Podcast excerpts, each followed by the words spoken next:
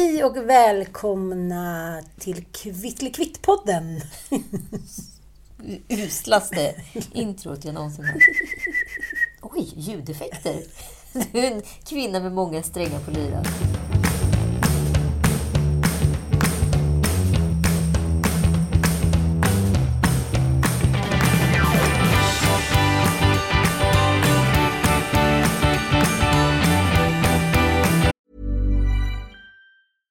Selling a little or a lot? Shopify helps you do your thing however you cha-ching. Shopify is the global commerce platform that helps you sell at every stage of your business. From the launch your online shop stage to the first real life store stage, all the way to the did we just hit a million orders stage. Shopify is there to help you grow. Shopify helps you turn browsers into buyers with the internet's best converting checkout. 36% better on average compared to other leading commerce platforms because businesses that grow grow with Shopify. Get a $1 per month trial period at shopify.com/work. shopify.com/work. Mom deserves the best, and there's no better place to shop for Mother's Day than Whole Foods Market. They're your destination for unbeatable savings, from premium gifts to show-stopping flowers and irresistible desserts. Start by saving 33% with Prime on all body care and candles. Then get a 15-stem bunch of tulips for just $9.99 each with Prime. Round out Mom's menu with festive rosé, irresistible berry chantilly cake, and more special treats. Come celebrate Mother's Day at Whole Foods Market.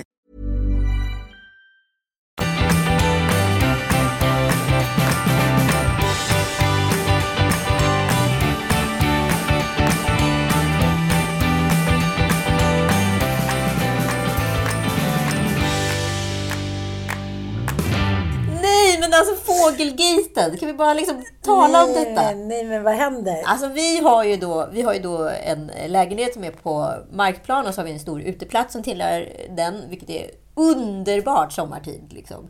Eh, men vi har också väldigt mycket problem med koltrastar här. De vill gärna lägga ägg i våra buskar utav olika slag. Så vi har då varit väldigt proaktiva, tycker vi, genom att genom att sätta ut en gosedjursuggla som ska skrämma bort de jävlarna. Superrädda. Ja, Först hade vi Mr Potato Head som fick då agera någon form av skrämseltaktik med en ugglemask på ansiktet.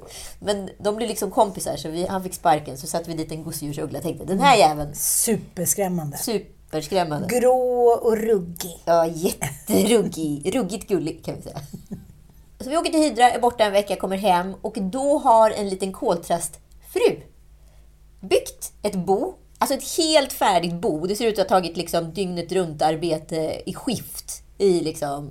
ja, men- Månader. månader. Helt perfekt. Och i det lilla boet ligger fem alldeles perfekta små blåa ägg. Och där ligger hon och ruvar. Och sen vi var så här, men vi måste ju flytta på bot. Hon kan ju inte ha det här. Det är precis vid vår utgång på, på vad heter det, uteplatsen. Nej, då visar det sig att man då enligt lag, natur, Naturskyddsverkets liksom, regler för hur man ska hantera fågelbon, man får inte flytta på det. Nej. Nej, så vi är ju liksom fast med Pippifågeln där. Och så sa någon härlig person på Instagram att så här, de kanske överger bot ifall ni är där ute mycket. Så vi har varit där ute mycket bara för att så här, hoppas på att hon ska liksom, de ska dra eller överge bot. Hårdrocksmusik, boffa. Exakt. Nej, hon, är så, hon tycker det är toppen att vi är där. Hon har liksom helt accepterat att vi hänger runt där. Hon tycker det liksom är rent av bra. Så vi kommer snart bli då fågelbonusföräldrar. Men vad är karlsloken då? Han är- han sitter i ett träd lite längre bort och kollar till henne då och då. Det är du. Så när hon flyger ut från bordet... Det är typ- du. Exakt. Så när hon flyger ut från bot, då, då heter det, piper han dit och kollar så ingen fara kommer. Och nu har jag, liksom blivit, nu har jag blivit känslomässigt attached till henne fattar, också. jag fattar. Jag hatar henne, Mm. men jag tycker också väldigt mycket om henne. Hon är väldigt gullig. Mycket, mycket och omtänksam. Verkligen. Men hon har ju liksom, det är ju ett plastträd. Det är ett plastträd. Men det är väldigt fint och det är väldigt liksom växtvänligt. Det är murrigt, det är tät vegetation. Jag fattar att hon har valt, det ligger i lä mot ruta. Det kommer inget regn. Allt är perfekt. Ja. Men, men då ska jag passa på att berätta någonting som jag läste igår eh, på Twitter. av en etnolog som jag tyckte var lite het för några år sedan. Tänkte jag går in och tittar på honom för jag har börjat eh, anamma mig på Twitter igen. Det här är det sjukaste jag hört på länge. Att jag har börjat med Twitter igen. Det är som att du skulle börja på Snapchat. Men vet du, jag hade 31 000 följare på Twitter för några år sedan. Va? Oklart varför. Varför då? Ingen vet. 31 000? Ja, nu är jag nere i 27 och 7. Det är det sjukaste Det är det sjukaste, för fan, fan? call me, I'm the Twitter queen tydligen. Ja, men verkligen, det är ju en imponerande skara. Jag vet.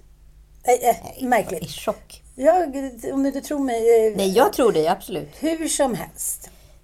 Då ska jag visa Tror dig lika mycket som att du springer mellan Gamla stan och Mariatorget på sex minuter. Och nu när vi pratar om den lille ugglan där ute som är eh, fröken Stares fästeman. Trogen fästeman, han sitter bara där. Då läste jag det här som jag tycker är så jävla spännande. Att fladdermöss härmar getingar för att lura ugglor. Vänta, nu blir det väldigt mycket här. Det här Jag var vet, gäster med vet. gester-sägning. Säg den igen. Fladdermöss härmar getingar för att lura ugglor. Och vad ska de med den lurendrejeriet till? Vad är syftet? Ja, men- Allt måste vara syftesdrivet. Man kan inte bara härma en geting. Nej, men ugglor fångar ju fladdermöss. Jaha. Ja, precis. Och då kommer då fladdermöss på att om jag härmar att jag är en geting. då kommer inte ugglan ta mig. Men, alltså, men ugglor har ju jättebra syn. Det har ju inte fladdermöss. De är Nej, blinda. Nej, men det är det jag menar. Men lyssna här. Det handlar ju om att de ska förvirra och avskräcka om ens för en sekund eftersom ugglor är livrädda för getingar.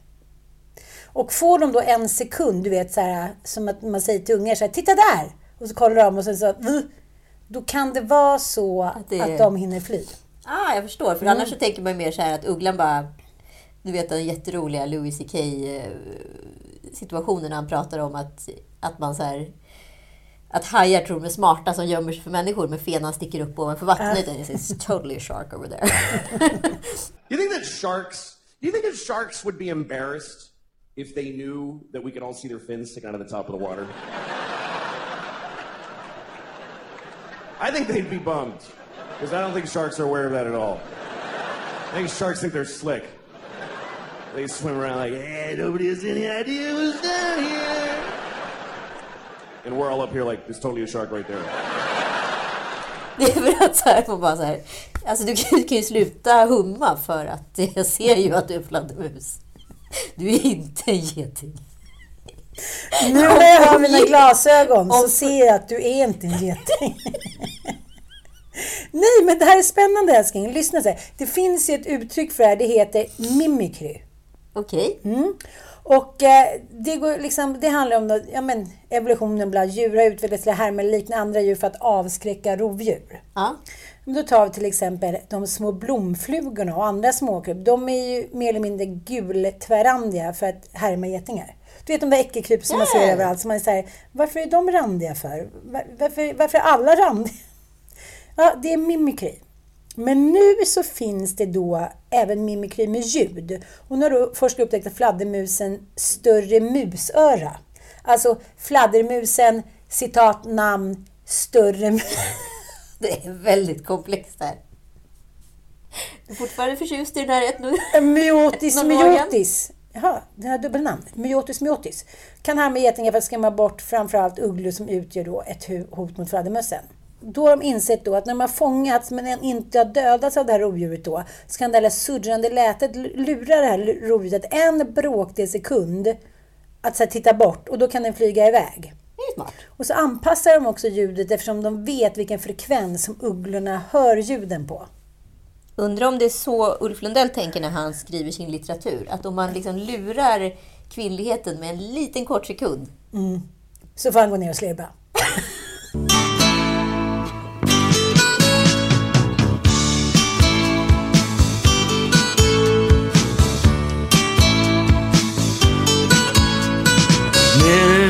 Zinkensdamm en julig natt gick jag och Ja, vi har också eh, varit ett stort fan av Ulf Lundell runt de 20 sökande åren. Men det är väl alla runt de 20 sökande åren? Mm. För att, men det jag känner är att... Men det verkar an- som att han hå- håller kvar sin Precis. publik där. Ja, och vi andra kanske på något sätt har gått vidare. Absolut. Inte storartat, inte liksom med pompa och ståt, men på något sätt har vi utvecklats. Men Ulf Lundell är kvar, tycker jag, i Zinkensdamm. Ja, men det är väl också så att så här, människan utvecklas fram till en viss ålder. Eh, Det är väldigt mycket snack om att män utvecklas till 28 och kvinnor till 36. Mm, Eh, stor skillnad. ja, De är också efterblivna med typ 20 år, så då är de 6 år. Kan Ja, man- så han är väl kvar i sina 20 år och eh, liksom resonerar och ser världen utifrån det här är en, liksom en supergeneralisering. Det gäller såklart inte alla män och alla kvinnor. Men att eh, män romantiserar sina 20 år på ett sätt som kanske kvinnor inte gör det med samma liksom, erfarenhet. Ja, och många är ju de filosoferna som liksom eh, ja, men, förkastar och förhatar ålderdomen. Så här, vad skulle det vara bra för? Men, men Ulf Lundell, han, eh, han liksom råder ju bot på detta då genom att skaffa unga tjejer. Och det får han jättegärna göra. Det är inte det det handlar om. Men Men då tänker jag, i och med, det här är intressant för att de här kvinnorna han träffar är ju runt i 36-årsåldern. Upplever då de honom, i och med att hans mentala utveckling då kanske stannat av vid 28, att han är 28? Jo, men det gör de säkert. Och eh, han, han kanske är uppvaktande som en 28-åring, men sen så tittar man ju upp eller vaknar upp på morgonen och ser då, En hängpung. ja, och en hängröv och en, liksom, en gammal alkis som ligger där med skägg och bitar. Då är det väl ändå svårt att intala sig att, så här, att han är 28 men ser lite äldre ut. I guess. Nej, men du vet ju själv att, att Sanna och jag pratade om det i, i vår podd Inte din morsa förra veckan. Då Sanna eh, blev jätteledsen och eh, ja, berättade då om den stora skammen att inte vara älskad av sin förälder. Och att han då i senaste vardagar 6 och 7 som precis har kommit ut och eh, återigen unisont hyllats av en liksom förblindad, förtrollad eh, recensentkår. Eh, att han då var tvungen enligt sina principer att eh, säga upp eh, kontakten och bekantskapen med sin dotter eftersom hon då uttalat sig om hans nya tjej. Just det. Men det vi pratade Är om... inte det bara en ursäkt för att slippa ta ansvar? Jo, det tror jag också. Och det, då svarade Sanna bara så här, se upp bekantskapen. Vilken bekantskap? Ja. Du vet inte ens eh, hur många barn jag har. Är det... Ja, hejsan svejsan. Men, men det var väldigt sårbart och det är väldigt många som hört av sig att det är en sån otroligt stor skam. Att man tänker sig, man, man, man föds och man tar liksom för givet att ens föräldrar ska backa en och stötta en och älska en. Men så är det ju inte. Men det är också problematiskt, tänker jag, utifrån situationen där eh, liksom Ulf Lundell är någon form av nationalskald slash ikon. Eh, att hela tiden liksom förhålla sig till den här älskade fadern som inte älskar en. Alltså det ställer nog till ett och annat för en. Men jag tänker, kommer ihåg för, för liksom ganska många år sedan när Bo Hansson, du vet eh, sportkommentatorn, Ja, som stack till Miami. just det. Jag behöver inte gå vidare. Alla vet. Ah, ja, hur som helst, han berättade då att han inte var älskad av sina barn. Mm, Och att det kanske var en ännu större skam. just det. Att säga, ja, men, att barn är så lojala att man liksom alltid nästan, hur föräldrar än beter sig, älskar sina föräldrar. Mm. Jag försöker prata med män ibland om att förtjäna barns kärlek. Att det inte Man har det är... bara till låns. Ja, att det inte handlar om en så här SAS-Janne-mentalitet, att så det handlar om kvaliteten när vi seglar till Mykonos en gång om året. Utan det handlar om så allt det där som sipprar dygnet runt i vardagen. Så det, är så här, det är inte en mänsklig rättighet att bli älskad av sina barn. Men jag tycker fan att det är en mänsklig rättighet att bli älskad av sina föräldrar.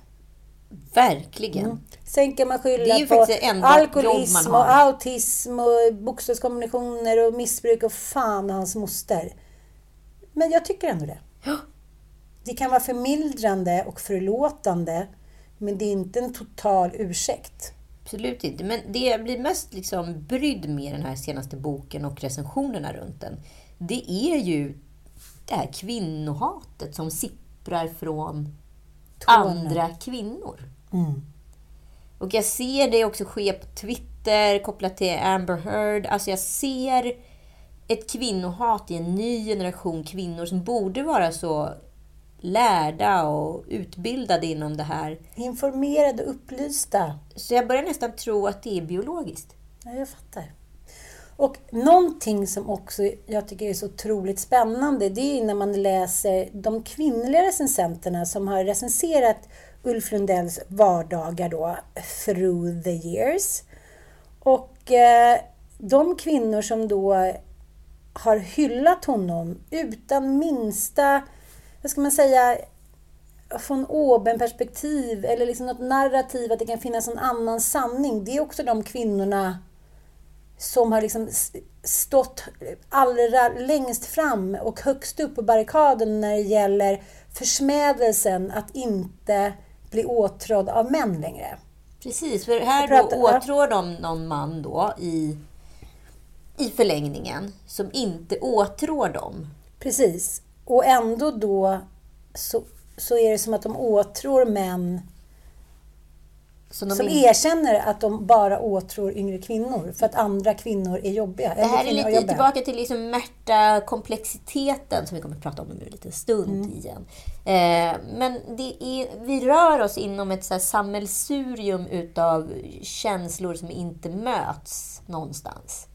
Först då tar vi eh, Åsa Lindeborgs eh, recension eh, av Vardagar. Som, hennes recension kom ut 29 maj 2018 i Aftonbladet. Och Åsa Lindeborg eh, har tillsammans med Ann Heberlein verkligen pratat mycket, och även Åsa Moberg pratat om sin sorg över att deras sexuella liksom, attraktionsspegel eh, bara liksom, går från den kvinnliga sidan utåt och inte längre tillbaka. Just det. Och vad det gör med en, hur osynlig man blir och hur mycket sorg de har över att deras sexuella kapital verkar liksom vara mer eller mindre dött. Just det. Det är också Åsa Linderborg som recenserar boken då, eh, Ulf Lundells dagboksanteckningar. Och eh, dels så är den, liksom, är den he- helt blind kring hur han pratar om sin exhustrus död och vilket torftigt liv och hon levde. Utan det tycker, det tycker Åsa är starkt och fint att han ifrågasätter det här. Och, eh, ja, och här pratar hon om, då, om eh, Ulf Lundells sexliv som han eh, gärna pratar om. Det är mycket väder och funderingar på sex. Vädermannen som utkom 2008 minns jag som en illa förklädd dagbok om starkt blåst och Viagra. Det är styv kuling mest hela tiden. I vardagar är författaren tio år äldre. Sex är fortfarande ett tema, men det är inget neurotiskt. Det är något som håller på att fasas ut med åldern och livssituationen. Han känner både saknad och lättar. Eller alienering, som den 15 april. Hur många kukar pumpar på i fittor just nu denna påska worldwide? Vill man ens tänka på det? Ingen människa har fått mig att skratta som Ulf Lundell den här våren. Mm, och det fortsätter. Det är Ann Heberlein. Hyllar hans senaste nu, Vardagar 6 och 7. Och liksom den här kören av hyllande kvinnor. Det är liksom Tone Schunnesson. Lundell, Lundell förvandlar mig till 70-årig man. Det är underbara saker som skrivs i det här. Bla, bla, bla, bla. Då tänker jag så här, men, men, men är det jag nu? Är jag för ointelligent för att förstå att det här kan rymma både och hos de här recensenterna? Eller känner jag mig lurad? Att de å ena sidan, men å andra sidan. Är du med mig? Ja, men jag förstår. Jag, liksom, jag är också så här, jag har inte läst boken så att det är så svårt att göra en objektiv bedömning. Men jag har läst liksom delar utav både Min kamp och, eh, och vad heter Lars Noréns Ja, och Lars Noréns eh, dagböcker. Liksom. Och jag har så svårt att se den här storheten de litterära kännarna talar om. Alltså det är ju liksom som att det är en personkult som bygger en text snarare än att det är en text som skapar en personkult.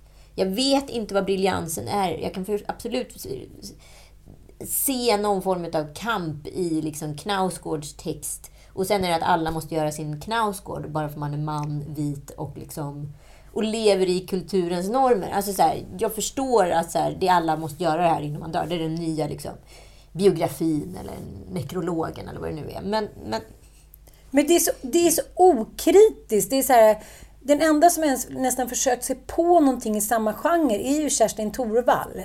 Och helvete vad hon har fått lida i pressen. Denna äckliga knullkärring, denna kåta hynda, la la la la, kärring, eh, ful, bla bla bla.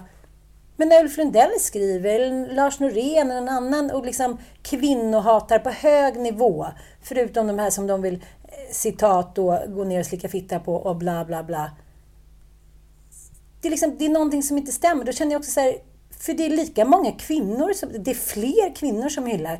De enda få liksom, lite halvkritiska recensioner som jag läser som är, uttalar sig, jaha, jag vet inte, vad, det är väl underhållande, men vad ska jag med den här informationen till? Det vet jag inte riktigt. Det är av män. ja. Så då känner jag så här, vadå, nu är det männen som är de nya kvinnorna. Och så, så är det många som kritiserar då i de här nya debatterna om kvinnor och liksom män och att männen är tysta.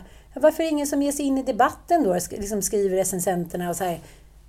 Nej, för det klarar vi så bra själva. Det, det liksom, vi, vi, jag tror inte ens att de vågar ge sig in. Nej, men jag, jag känner ju liksom att den här, tillbaka till vad jag pratat om tidigare, den här toxiska kvinnligheten som vi hela tiden påstår inte finns, men som finns i allra högsta grad. Vi ser det, vi får bevis exakt hela tiden på det. Och jag känner att de, precis som jag gjorde för liksom tio år sedan, att den största liksom faran på en arbetsplats i ett vänskapsgäng och så vidare, det är andra kvinnor. Andra kvinnors ögon på en och bedömning av en. Och jag tycker att liksom mycket av diskussionen om liksom feminism och det som har skett, det är ju egentligen baserat på kvinnors känslor och upplevelser utav andra kvinnor. Men vi har omskrivit det, eller tillskrivit mycket av just åsikterna, kanske inte handlingarna, till män. Vilket är, det är så jävla komplicerat, för det är ett sånt sammelsurium utav uttryck. Och vi kan inte sätta källan. Nej. Och jag undrar hur stor... Jag skulle vilja göra ett sånt jävla omtag på alltihopa, förstår du? Jag, jag är där. Men jag tänker, om vi går tillbaka till eh, Gift i första ögonkastet då. Märta, som, eh, hon var med i Morgonstudion häromdagen och sa jo, jag märker att typ folk vill spotta efter mig. Just det. Eh, och då känner jag så här, varför väcks den här ilskan? Och det skriver ju Katja Hultqvist om i DN och det har ju vi pratat om innan också. Att det är så att vi tycker att hon ska bliva vid sin läst. Nu har hon tackat ja till det här programmet och då spelar det ingen roll om hon ska liksom eh, bli övergreppad eller liksom behöva ligga i samma säng eller kyssa honom eller liksom ljuga för hon ska vara kvar i programmet. För hon har sagt att hon ska vara med. Vad är det i oss som väcks? Är det det att vi har så många år själva stått ut med grejer som vi egentligen inte har velat. Vi har liksom, vårt liv är ett enda jävla st- större eller mindre övergrepp. Och när någon annan inte går med på det, när någon annan inte spelar det spelet, då blir vi osäkra. Då känner vi oss lurade, då blir vi bittra på vårt eget liv. För inte fan är det en mjukis man vill ha. Vi har aldrig velat ha det, vi kommer aldrig vilja Nej, ha det. sluta. Det är alldeles för biologiskt. Ge mig hellre en apa än den där skäggbiffen. Ja, men det är väl det som är problemet att kvinnor, att kvinnor tror att de vill ha en mjukisman. Men det är så här, vi ska... Alltså så här, om jag skulle få bestämma, då tycker jag att han ska liksom se ut som en toxisk man. Men han ska liksom inte vara toxisk. Men han får inte säga emot mig för mycket. Men, men alltså lite går ju bra. Fast jag får ju inte ha rätt hela tiden, för då, då, då kommer ju jag bli jätteirriterad på något. Så det är bra att han liksom har, lite motstånd. Det måste liksom finnas något tuggmotstånd där. Men, men, men samtidigt så inte för mycket, för att då blir det ju rätt lätt toxiskt. Och, och, men jag kan ju inte alltid ha rätt, för att det är ju extremt provocerande. Alltså, vi vet ju inte vad vi vill. Nej, och jag, jag tycker här, hon har ju också uttryckligen bett om en icke-toxisk man. Eh, sen kanske liksom rent intellektuellt så blev det ju en mi- mismatch. Men alltså den oron och den rädslan, det, är ju liksom, det kan man ju jämföra med gamla tiders refer, liksom referenser till men, män som då har liksom nekat sina kvinnor och stängt in dem på sinnessjukhus hit och dit. Jag, ser- jag ser ingen skillnad i beteende. Hon- Hon beter sig som en 1700-talsman och mobbar honom. Ja, men det är det jag säger med allt som har hänt. Alltså när de här liksom... Jag läste något jättekonstigt blogginlägg från Britta Zackari där hon försvarade Kakan på ett väldigt märkligt sätt. Och det liksom, det var helt okej plötsligt att Kakan då kan skriva vilka tweets hon vill för att hon är ändå en feminist och står på kvinnornas sida. Så att det är okej. Å ena sidan ska vi vara vänster, feministiska och vi- Å när vi andra vill. sidan vill vi ha allt det där som Kim Kardashian har. Vi vill ju kunna äta kakan och behålla den liksom, i dubbel bemärkelse. Alltså, När vi vill vara liksom, eh, aktivister, då ska vi kunna trycka på aktivistknappen. Och när vi vill vara kapitalister och sälja krämer, så ska vi kunna trycka på kapitalistknappen. Och, och så svänger man sig lite däremellan och så... Jag tänker som, ta till exempel en, en, en skådespelare, en röd skådespelare då, eh, Stellan Skarsgård. Som har stått på barrikaderna och liksom skrikit om att allmännyttan får inte säljas ut och vi på Söder måste vara bröder och alla måste finnas. Tills han själv fick eh, eh, erbjudandet om att, köpa loss sina eh, två lägenheter då uppe vid på Götgatsbacken för miljarders miljarder för en spottstyver.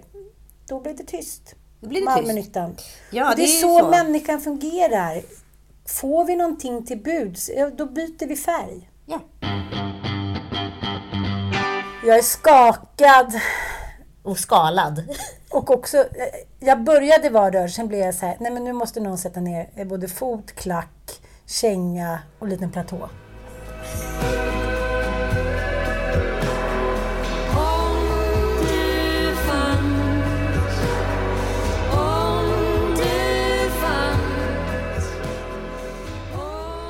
Det här avsnittet, kan vi prata, alltså så här, jag fick andnöd. Jag var tvungen att pausa avsnittet två gånger.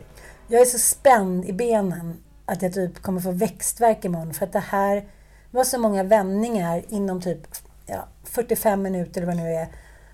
Jag håller fortfarande andan, märker du det? Om jag svimmar är det SVTs. Alltså slaget om Eskilstuna, ska vi börja där? Sen så när vi skulle spika då precis vad vi skulle göra så drog han helt plötsligt upp Skara från ingenstans igen. Nu har jag bollat med tio olika personer i Eskilstuna. Och jag har full förståelse för det. Det, som, det som från mitt perspektiv bara, så var det så här, när jag sa själv så här, shit Eskilstuna är det bästa alternativet. Och sen säger du, det går inte längre. Nej, jag har ingen, jag det har, sa jag inte. Ja, men du sa att det gick inte hos Emilia och det gick inte hos Anna. Nej, och i mitt huvud var det då så här, och inte dina föräldrar. Och då, då vet ju inte jag att du sitter och smsar och smider andra planer. Det Nej, men jag sa Så i mitt huvud då började jag ju bygga upp, ah, Skara kanske är ett skitbra Nej, liksom, sa- grej att göra då. Så då gick jag ju vidare i den Jo. Och det, då kändes det som att, okej jag, vad tror gjorde inte jag för du, jag tror inte att du lyssnade på mig för jag så sa fort det så kommer ur min mun så blir, blir du hård. Då blir det så här, okej men är det... eh, Nej men du, det var ju för att du inte hörde det jag sa att jag skulle kolla med Mikko och Therese. Vi var ju osynka över vad, vad vi ville göra i helgen egentligen.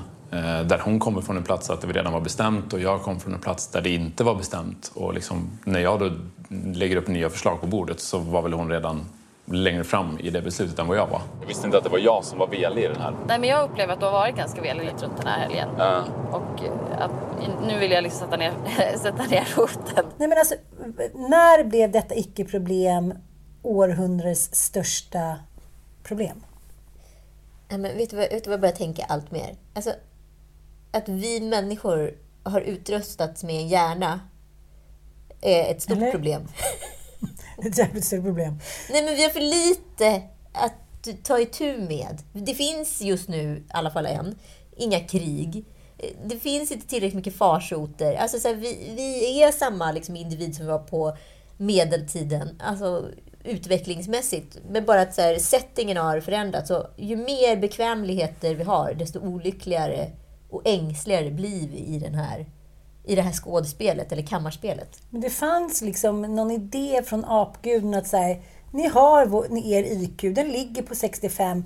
Där borde det ha stannat. Ja, verkligen. Det är liksom, vi är för smarta för vårt eget bästa. Det tänks och det ska liksom eh, blötas och stötas och det ska kännas och spännas. Och jag känner, hur många veckor har de känt varandra? Är, är de inne på tre veckor Ja. nu?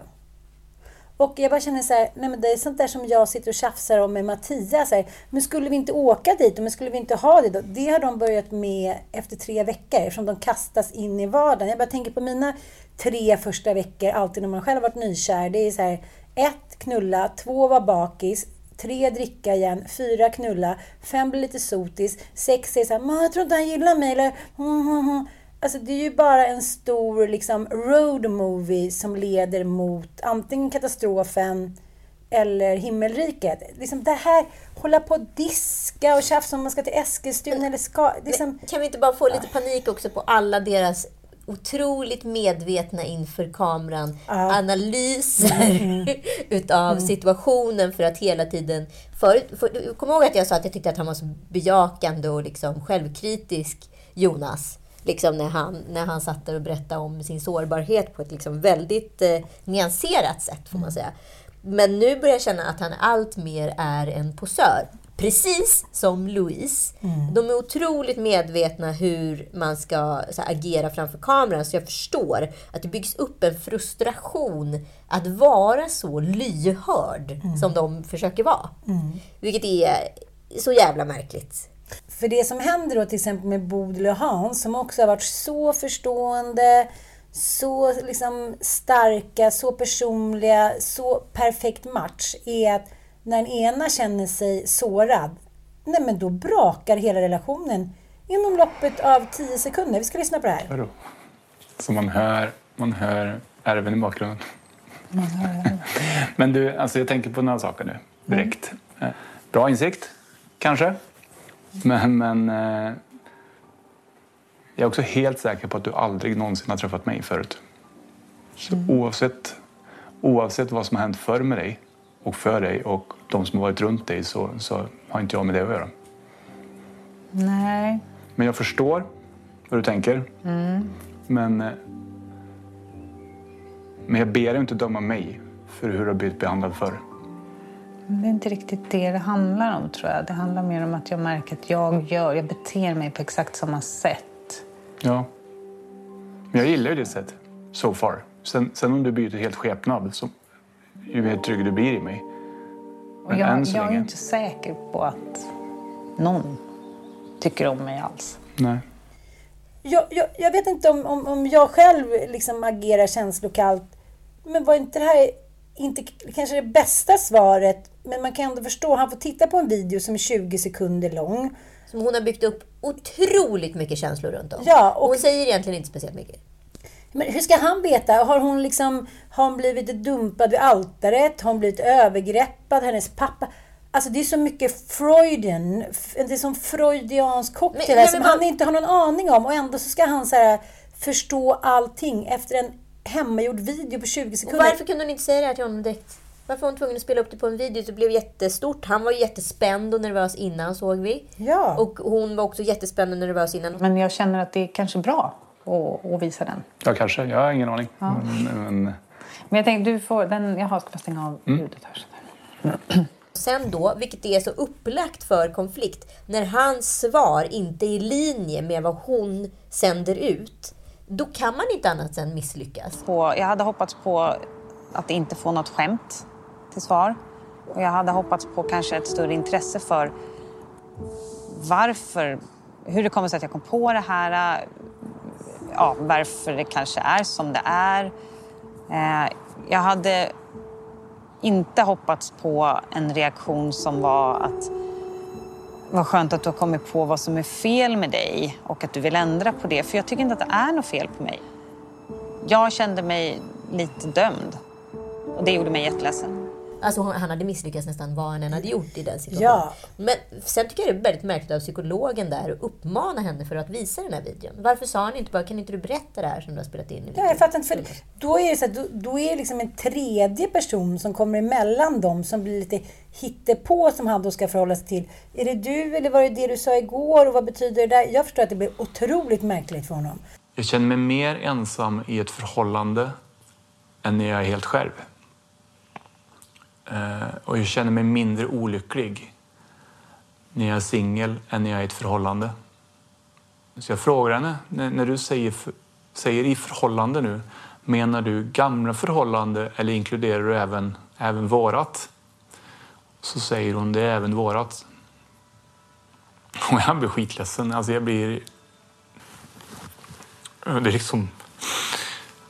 Jag blir helt ställd. Jag vet. jag vet inte vad jag ska säga till henne för att... Så jag säger att... Fast då är det bättre om jag går härifrån.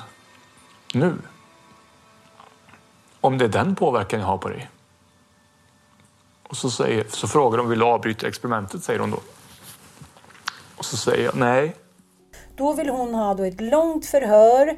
Hur, vad är det som har hänt? Jag förstår. Hur mår du då? Vad ska jag göra? Bla, bla. Men vem gör det?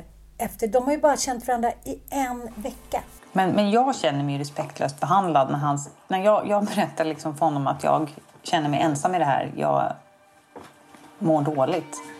Och hans spontana reaktion blir att nej men då går jag. Han har ju liksom dömt mig nu att jag är sån här, att så här, du, du är trasig typ och destruktiv och eh, du borde inte vara med i det här projektet.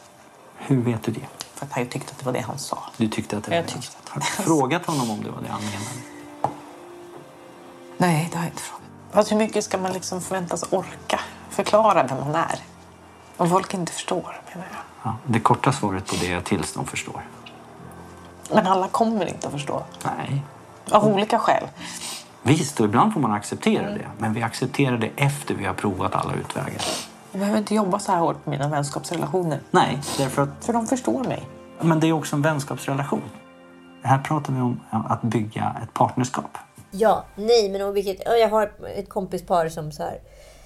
Åh, de gjorde slut baserat på såna här situationer. För att det började med att så här, den ena också alltid vid sänggång sa något litet och sen så tog den andra partnern det, för man har med sig sin lilla ryggsäck med bagage där, tolkade det här fel. Och så blev det liksom en diskussion om diskussionen som sen blev en diskussion om diskussionen. Och vid fyra på morgonen, då var de så osams eh, så att de så här, skulle aldrig mer träffa varandra. Och så höll det på så här i ungefär tre månader tills de gjorde slut. Eh, och sen visade det sig i efterhand att så här, allting var liksom bara egentligen baserat på så här, egna... Alltså att de inte hade, de bara hade resonerat sönder hela eh, liksom, relationen istället för att så här, vara vuxna nog. Och det här pratar vi ändå om ett 40 plus-par som är så omogna i sina känslor. Eh, men första året är ju vidrigt. Första året är vidrigt. Det är som jävla kraftprövning. De tror liksom att det ska vara satt. De är så 40 plus båda två. Då är man redan formad och klar. Alltså det här kommer bli en kamp på liv och död. Men kan inte allas liksom, föräldrar, vi som vuxna till våra barn berätta att en relation inte är lätt? För jag tror att man hela tiden går med en skugga av ens föräldrars relation som det perfekta. Som var det där liksom helt, som bara liksom flöt genom livet som en stridström. Det var aldrig en konflikt. Och var det en konflikt, då löste man den och så gick man vidare. Man såg aldrig de där åren som barn innan hur ens, ens föräldrar sa- svetsades samman och vilka konflikter som faktiskt fick där. För det är den lyxen barn har, att vi behöver inte se det, för då har ju det redan skett. Men det är ju inte lätt att ha en relation. Nu, fem år in, kan jag säga så här, jo, det är rätt lätt. Men det är fortfarande en utmaning varje dag. Men det är till 80 procent rätt lätt.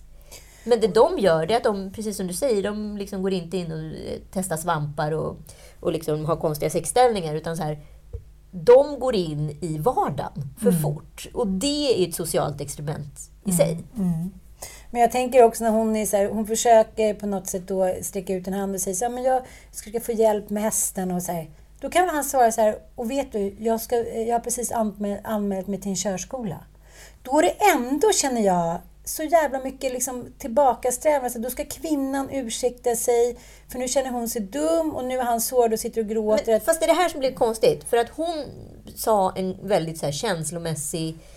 Det här är vad jag känner och är rädd för. Sen har då det här samtalet översatts till någon form av praktiskt scenario som egentligen inte alls hade någonting med det hon sa.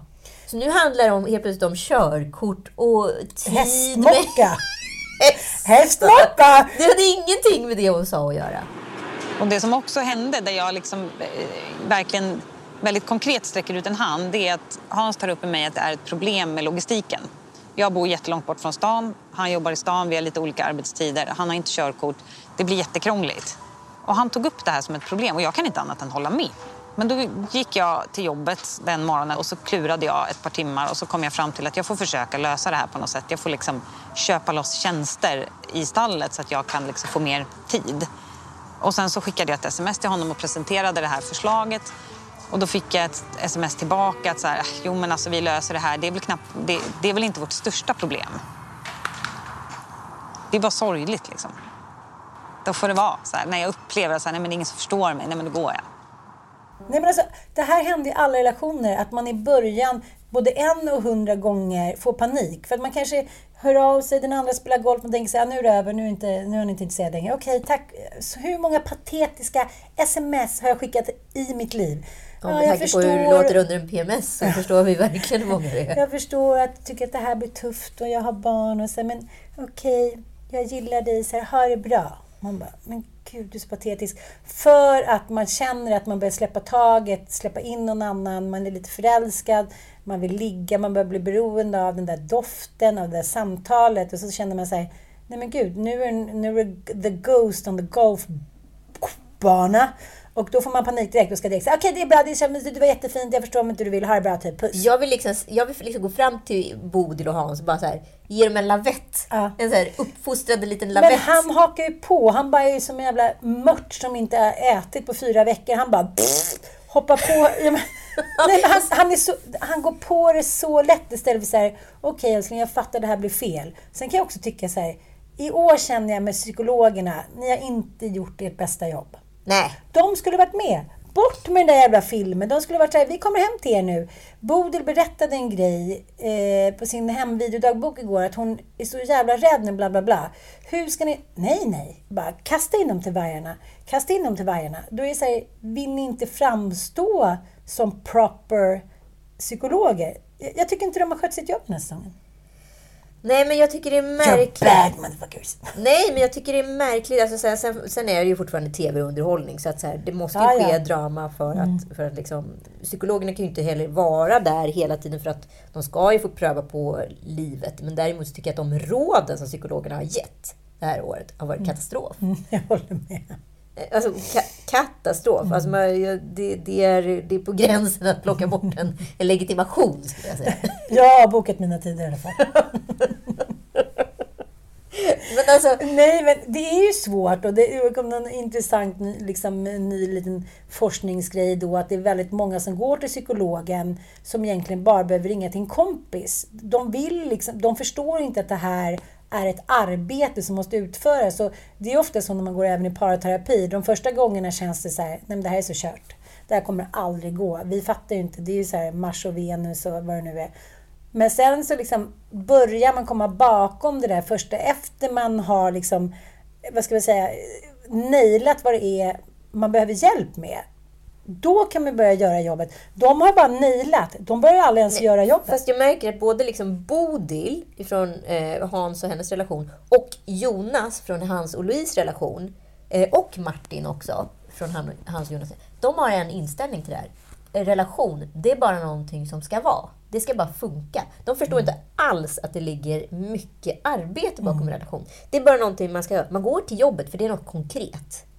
Men en relation, den ska bara finnas där. Det ska inte kräva någonting. Kräver en relation någonting, då är det något fel på relationen. Mm. Alltså det är en jävligt intressant eh, inställning. Jag märker det liksom generellt i deras samtal, att så här, de tycker det, det är besvärande när, när konflikt uppstår. Och då blir, liksom, utmanas de på ett sätt som de känner så här, fast jag förtjänar bättre. Mm. Men jag bara känner så här, jag tycker att det känns som att det är liksom min femåriga Frans som är så här, nej, det är slut mellan oss. Jag bara, men nu var du ändå på kalaset och det verkar som att ni satt bredvid varandra och var så här superkära. Nej, vi gjorde slut idag på Föris typ. Det har varit en beef liksom. Ja.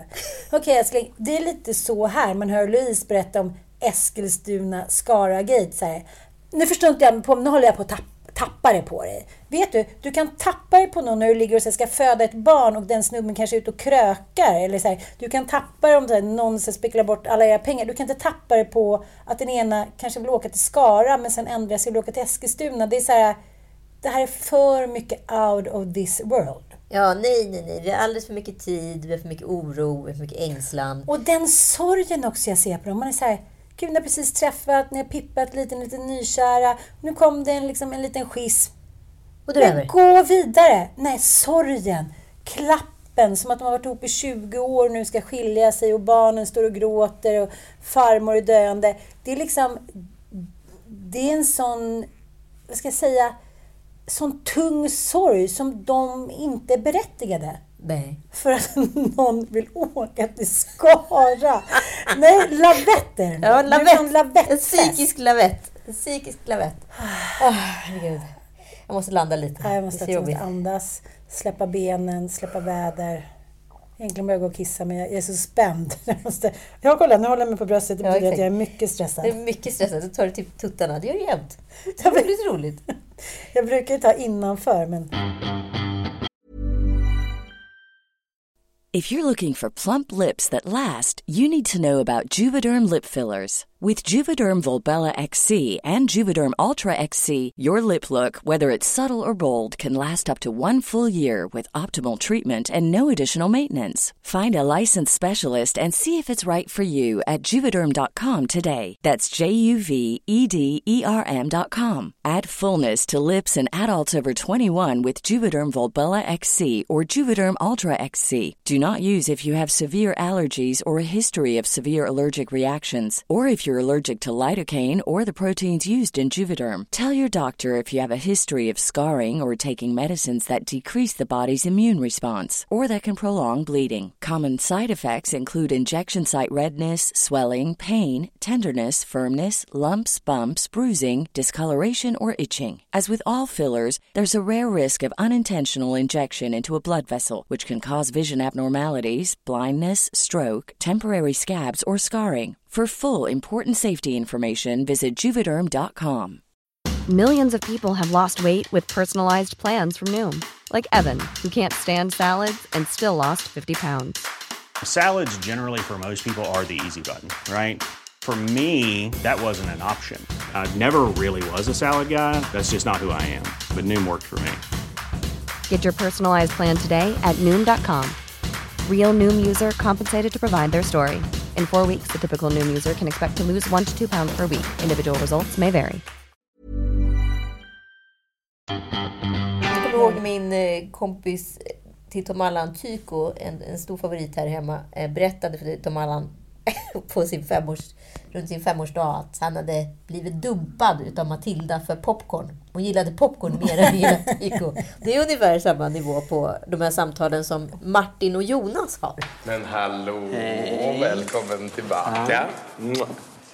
Kom in. Tack. Hur är läget? Du, det är bra.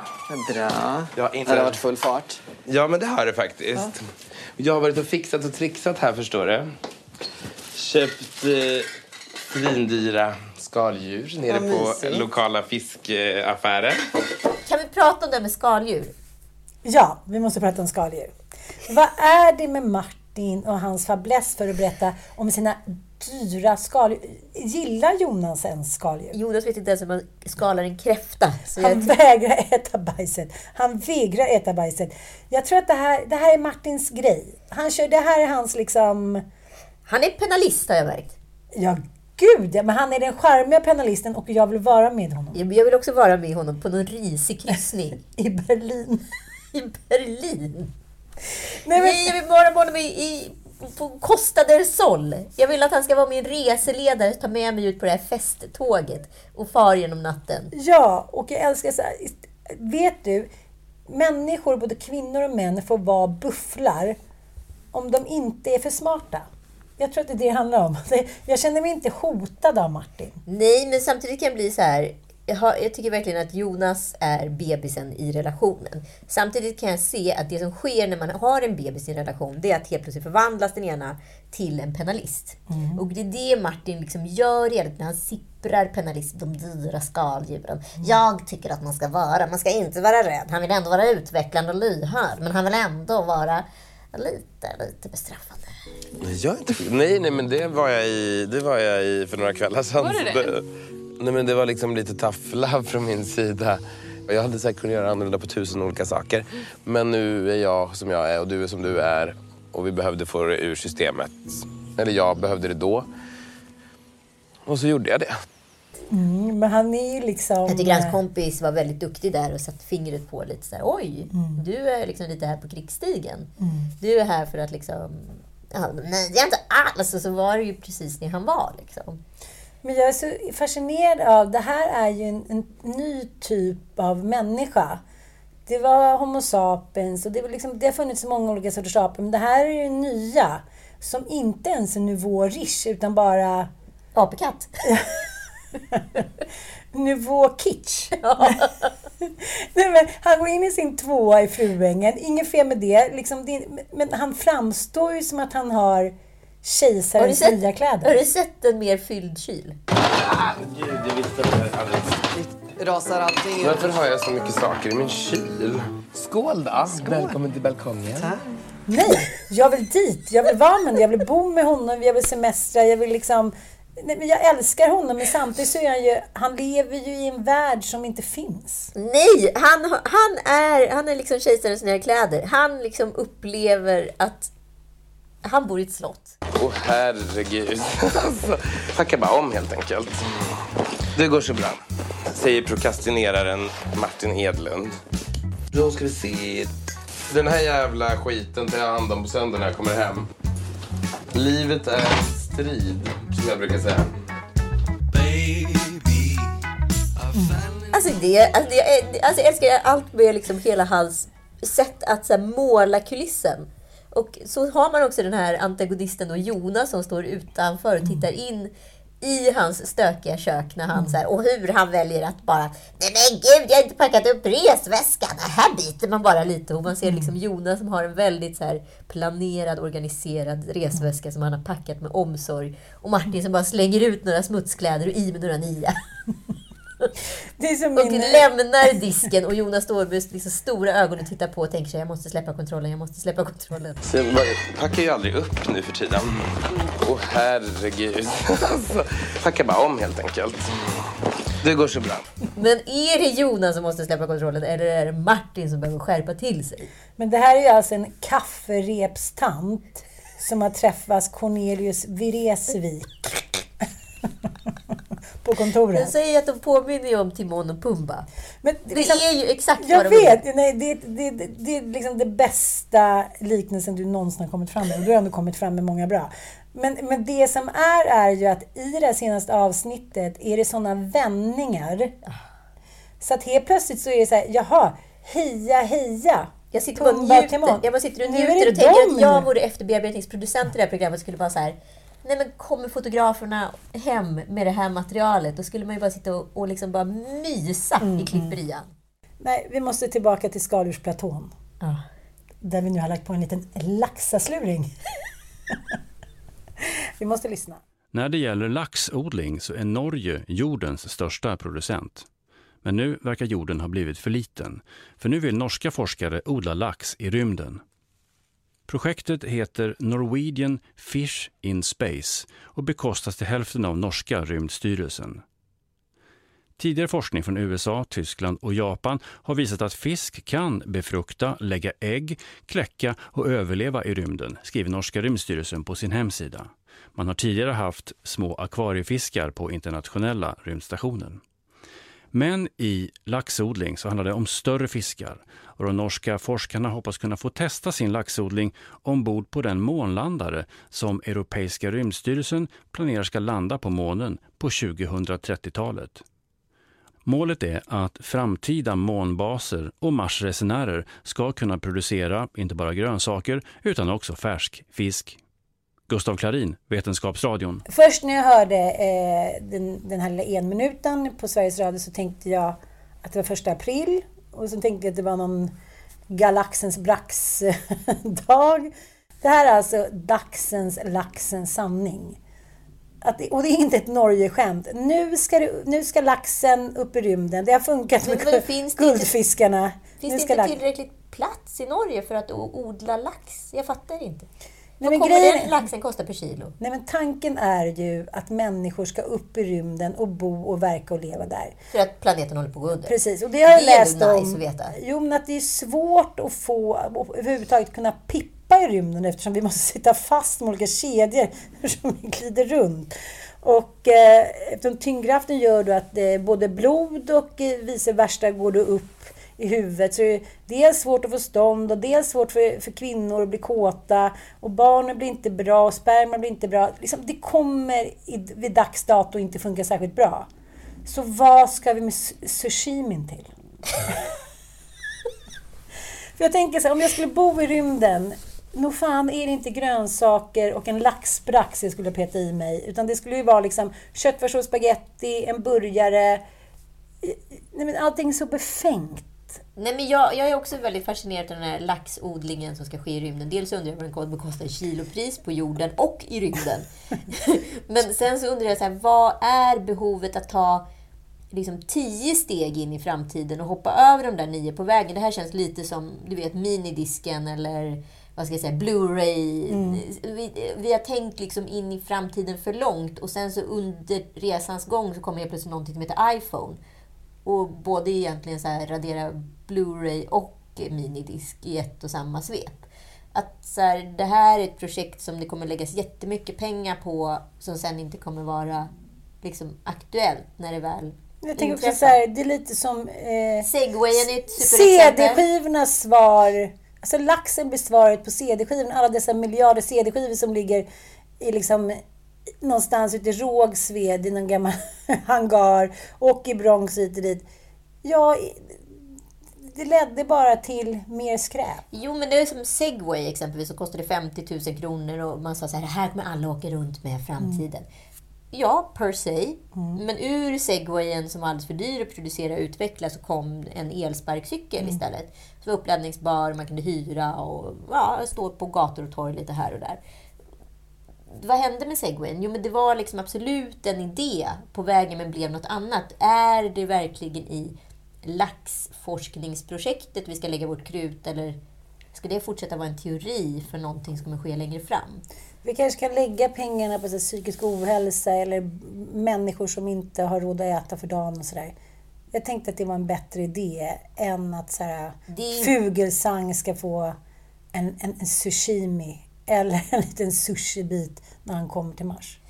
Absolut, men jag, jag tycker att det här är ett upprepande mönster i så här, mänskligheten. Att så här, vi, vi har så svårt, och jag känner det i mig själv, jag har lika mycket rädslor just nu för att inte njuta tillräckligt mycket eh, på grund av att det kanske kommer ett annalkande krig.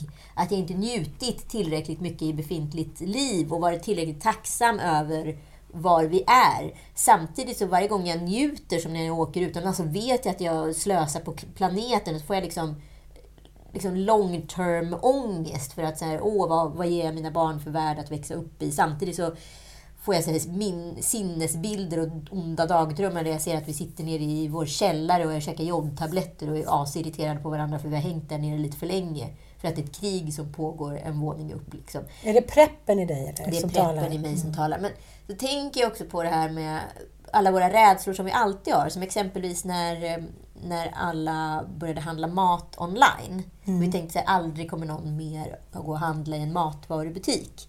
Eh, så stängde exempelvis eh, alla ICA City-butiker och alla stora matvarubutiker de stängde ner inne i citiesarna. Så det fanns liksom en liten ICA nära eller en Coop nära och sen så fanns det de här stora liksom City Gross etc. utanför staden.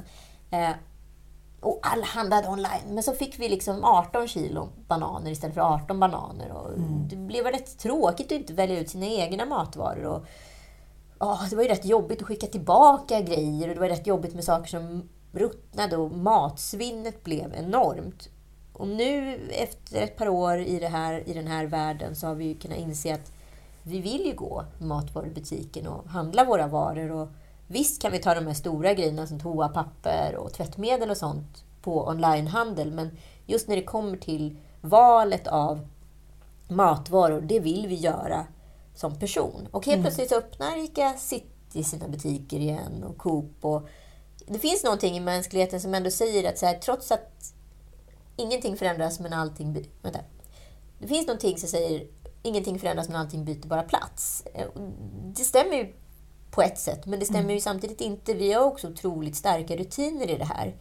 Idag är det närmare till 2050 än vad det är till 1950. Mm. Alltså, men ändå har liksom livsmedelsbutiken överlevt på något sätt. Jag läste precis en intervju med Martin eh, Laurisen från Spotify. Att tidigare var musik ett ägande, idag är musik access. Men det betyder inte att vi inte konsumerar musik. Alltså att allting behövs men, men vi gör det på ett annat sätt. Och det är väl det som är liksom det, är väl det, som är liksom det viktiga i det hela. Nej, men jag, tycker det var så, jag tycker det var så relevant att eh, ja, möjligheten finns, men vi vad heter det, gör den på ett annat sätt bara. Och därför tror jag att många av de här rädslorna vi har och idéerna om framtiden som vi har blir så fabricerade när vi pratar om en lax i en rymd. Det är för många steg att gå. Mm, jag fattar vad du menar.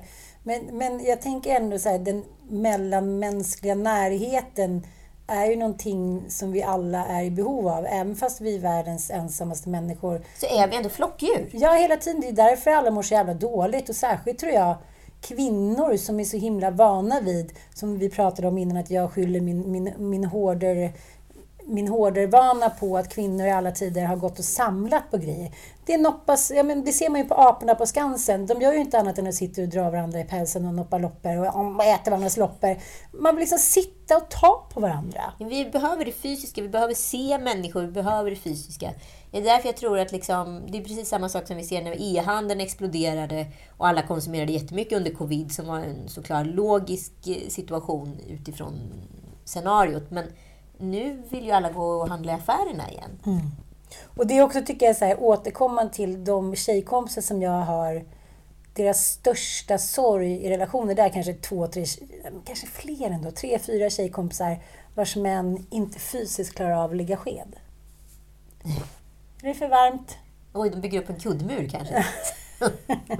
det är för varmt, det blir svettigt. Du vet att Joel byggde upp en kuddmur i två års tid? Va?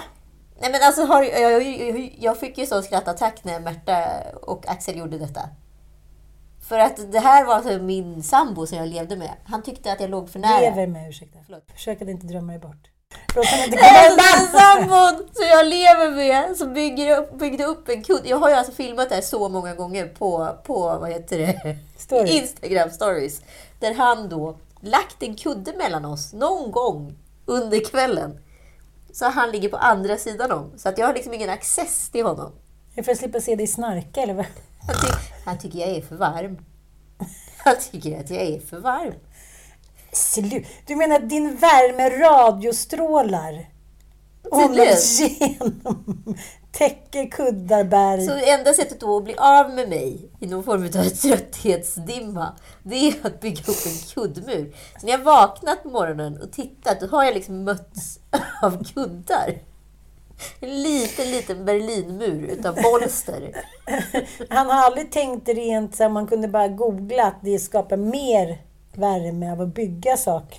Yes. Han har alltså byggt in en iglo av kuddar. Gud, men apropå det där att man känner sig, att man känner sig bortvald, man känner skam. Så kunde jag känna med mitt ex när han gick på stan, det blev för varmt att hålla hand. Det blev för varmt efter vi hade legat, han kunde inte ligga nära. Att man säger, ja nu har vi gjort det, det mest intima vi kan dela. Vi har liksom knullat här i sängen, men direkt ska jag bort på grund av värmesensorerna. Det där är jag är bortvald. Ja. Spännande. Apa. apa. Ge mig en apa bara. en apa som vill kramas. Det är allt vi behöver. Vi behöver inte kravställa något mer. Och som kan laga mat. En toxisk apa. Han kan, bara han kan göra korv och få ris. Sen kan han bara hålla om mig. Resten sköter jag själv. Eller måste vi ligga också? Jag vet inte. Lucy fick också ligga. Hon fick ju ligga. Ja. ja. Det var bäst, vi skulle stannat där. Ta oss tillbaka. Jag är så kissnödig älskling. Och eftersom jag kissar genom en dräkt. Har du fått ett sånt här litet bäck med dig? Det glömde jag nu. Du har ett. Du kan få låna det. Vi har delat allt. Nu även bäck. Det är så förnedrande för när man inte hinner med det eller liksom är iväg någonstans. Nu är första gången jag är ute på stan typ. Då är det, alltså jag undrar lite. Jag känner som att, har du sett eh, elefanter kissa? Nej. Det går liksom åt alla håll. det är du. det liksom följer ingen logisk... Liksom, det följer inte Einsteins teorier, utan det är så här höger, vänster, uppåt, ner. Så, så är mitt kisseri. Åh, det är bara för Bullpulli har försvunnit. Mycket nu. Snart är hon ny åter på stan. Så summa summarum är att årtusendena går och vi är hela tiden inne på samma spår. Ja, men det är ju det som är hela grejen. Vi lever ju inte liksom enligt en rak axel. Vi utvecklas inte framåt. Vi lever runt en axel. Alltså mänskligheten är som en cirkel som ritas runt, runt, runt och lite slår i varandra för att sen komma fram en liten, liten bit. Det är liksom snarare ett steg fram, tre tillbaka. Mm. I want to live in the move of Braveheart. Okej, med de otroliga, liksom, begåvade orden slutar vi den här podden. Fullt av toxiska män som är håriga och bara vill pippa. Det är precis vad vi vill ha, eller hur? Ja, tydligen. Som inte bygger upp några kuddmurar. I mean, give me the monkey. I will be happy. Tack. Hej. Kan du bara vara tyst?